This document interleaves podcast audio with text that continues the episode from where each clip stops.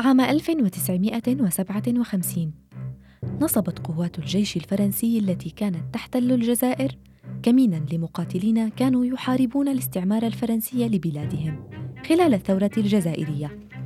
وبعد اشتباكات بين الطرفين أصبحت نفيسة أسيرة مع عدة مقاتلين آخرين. إذ أرسل الجنرال ماسو الذي كان مسؤولا عن قتل وتعذيب عدد كبير من الجزائريين طائرة هليكوبتر للقبض عليها. من هي نفيسة؟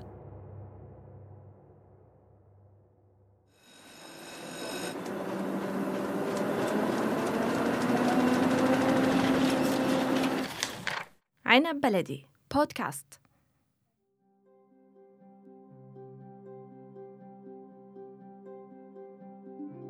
ولدت نفيسة عام 1924 في الجزائر. كبرت في ظل الاستعمار الفرنسي الذي اختمر ظلمه في عقلها حتى شبت على أفكار ثورية كانت تلوح في نفسها خلال طفولتها والتزمت بحكم ضميرها حتى صارت نفيسه المناضلة. بطبيعة الحال لم تفرق الإدارة الاستعمارية بين الرجل والمرأة بالقمع والتنكيل والاعتقالات على مدى 132 عاما ما أدى إلى انخراط نفيسة بالأعمال الثورية ضد الاستعمار. عام 1945 ردا على عمليات القتل والتنكيل التي ارتكبتها فرنسا بالشعب الجزائري. بعد قمع الشرطة الفرنسية انطلقت مظاهرات نظمت في مدينة قسنطينة للمطالبة باستقلال الجزائر عن فرنسا. كانت أغلب المدن حاضرة ذلك اليوم. ولم تكن نفيسة بفكرها الثوري التحرري لتغيب عن حدث كهذا. شاركت فيه بكل جوارحها. وطالبت مع المطالبين ونددت مع المنددين.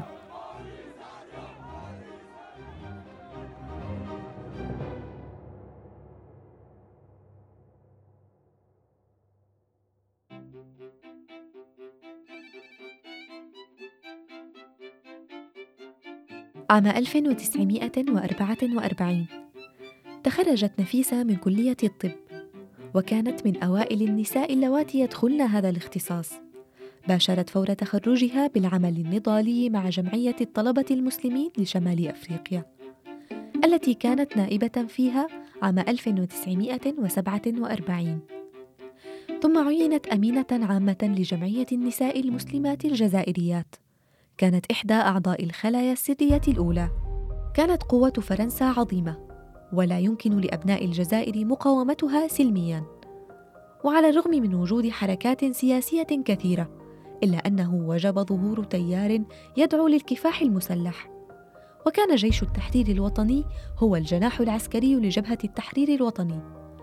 أنشئ عام 1947 انخرطت فيه نفيسة عام 1954 واستخدمت معرفتها بالطب لعلاج الجرحى والمرضى خلال ثورة الجزائر.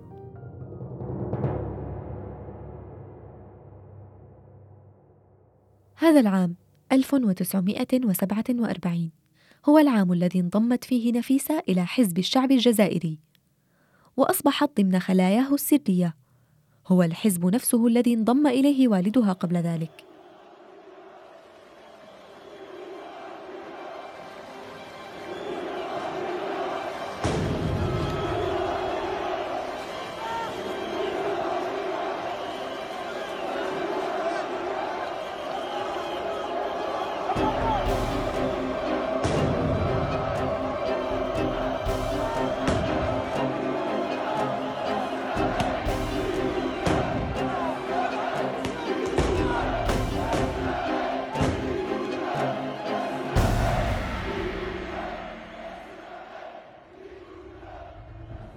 سبق انضمام نفيسة إلى الجيش مشاركتها في المظاهرات الشعبية منذ عام 1945 هو العام الذي ارتكبت فيه القوات الفرنسية ما عرف باسم مجازر 8 ماي أو 8 من أيار.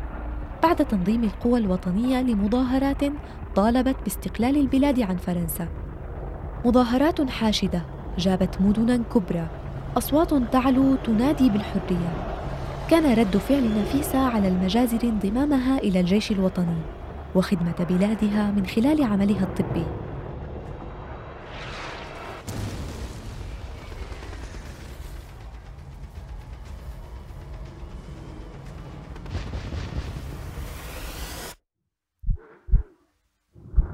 أعطني المشرطة بسرعة. أريد أيضا أكياس الدم. عائشة نظفي جرح الثائر على السرير المقابل ثم خيطي جرحه بعناية. بسرعة هيا لا تقلق. ستنجو. أنا واثقة. أرجوك لا تغلق عيناك. كافح قليلا.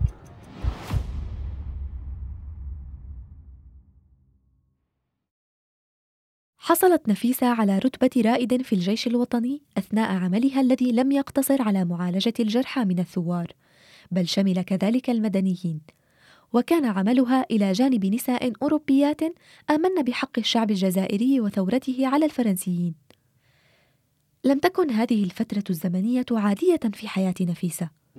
كانت فترة الحب والحرب، إذ تعرفت أثناء عملها على زوجها مصطفى لاليام، وتزوجها في عام 1961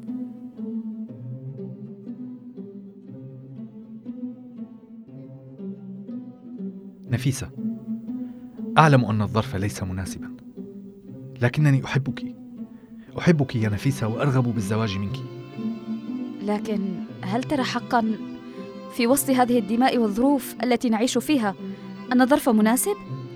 إن الحب يا نفيسة يأتي دون استئذان. إني أرى أن أوقات النضال والحرب تجعل حبنا أكثر صفاء ويجعلنا هذا الحب أكثر قوة في سبيل تحرير البلاد. إن الفارق بين الحب والحرب حرف واحد. لكن ما يجمعهما سويا اليوم مستقبل وشرف ومعركة فرضت علينا. ربما أموت غدا. سيكون شرفا أن أموت في سبيل بلادي وأهلي. ولكنني أيضا سأكون سعيدا لو مت وأنت زوجتي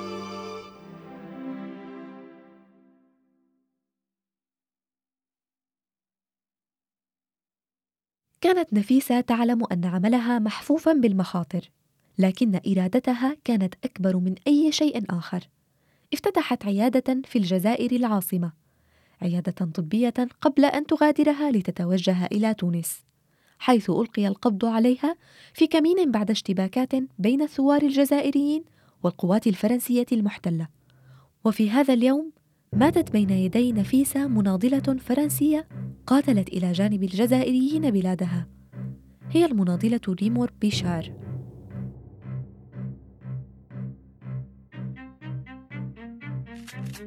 توقفوا توقفوا! سيدي انظر يبدو أنهم أطباء. انظر إلى الحقيبة. ليس مهما. استلقوا جميعا على الأرض. اذهبوا أخبر قائد المجموعة بأننا قبضنا على الإرهابيين والمتمردين. يا لوقاحتكم إنكم بلا شرف. وقتلتم أشرف من فيكم. هذه الصبية التي بين يدي ثائرة فرنسية ثارت عليكم أيضا. اخرسي اخرسي! إن ذنبكم لدى الحكومة الفرنسية لا يقل عن ذنب من يقتلنا. ليس معنا أسلحة. ليس عليك أن تكون غاضبا هكذا. عليك أن تشعر بالعار.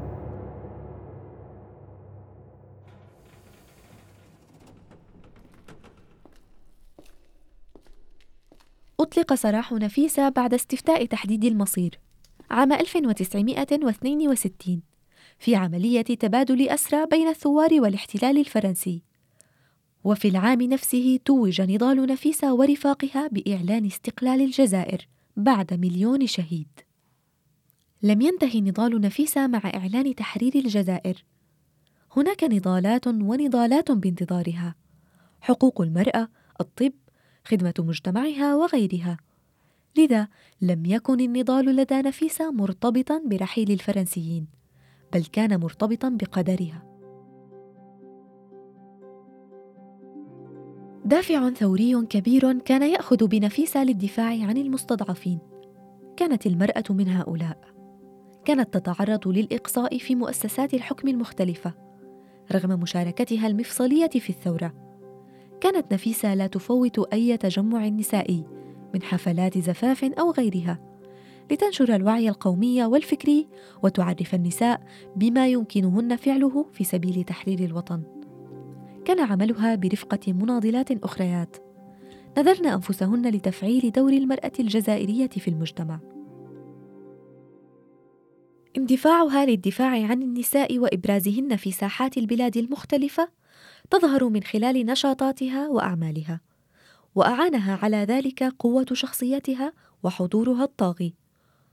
وبعد فشل الاجتماع الذي عقد في فرنسا مع نساء فرنسيات لرفض الجزائريات الانخراط في نشاط كهذا تحت اسم الاتحاد النسائي الفرنسي. نظمت نفيسة هذا الاجتماع الذي كان أول اجتماع للنساء الجزائريات عام 1947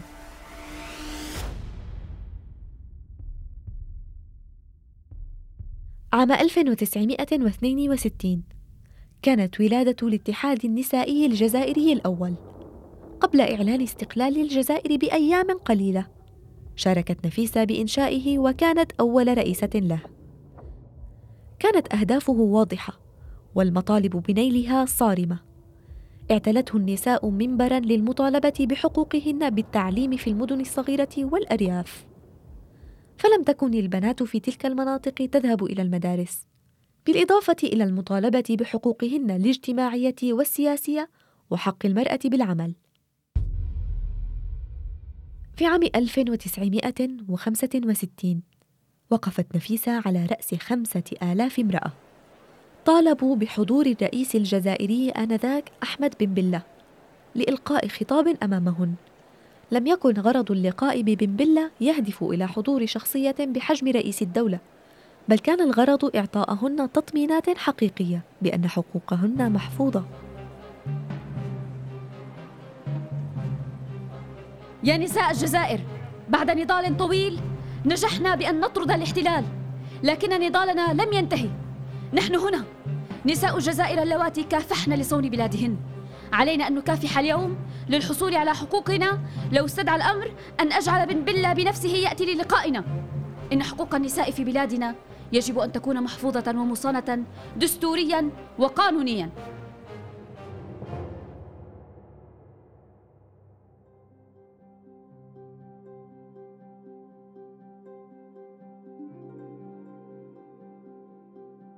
أول احتفال بيوم المرأة في الثامن من آذار عام 1965 تطوعت نساء الجزائر حينها لتنظيف شوارع العاصمة. بعد انسحاب الموظفين الفرنسيين من الجزائر. شاركت نفيسة بهذا الحدث فهي صاحبة فكرة أول احتفال بيوم المرأة في الجزائر. ولم يتخلف أحد عن المشاركة حينها. كان المشهد مبهرا وحماسيا.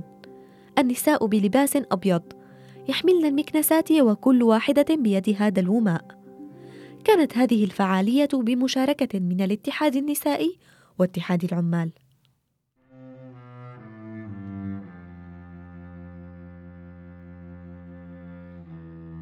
عام 2002 وافت المنية نفيسة بعد نضال طويل دام حتى وفاتها. أول امرأة جزائرية تشغل منصبا وزاريا. وطبيبة لديها العديد من المشاركات الطبية. في ظل قلة النساء العاملات في هذا المجال. عاشت الثورة ضد الاستعمار وكتب لها أن تشهد الاستقلال. وتشارك فيه بكل تفاصيله. قصة نفيسة هي قصة الثورة الجزائرية.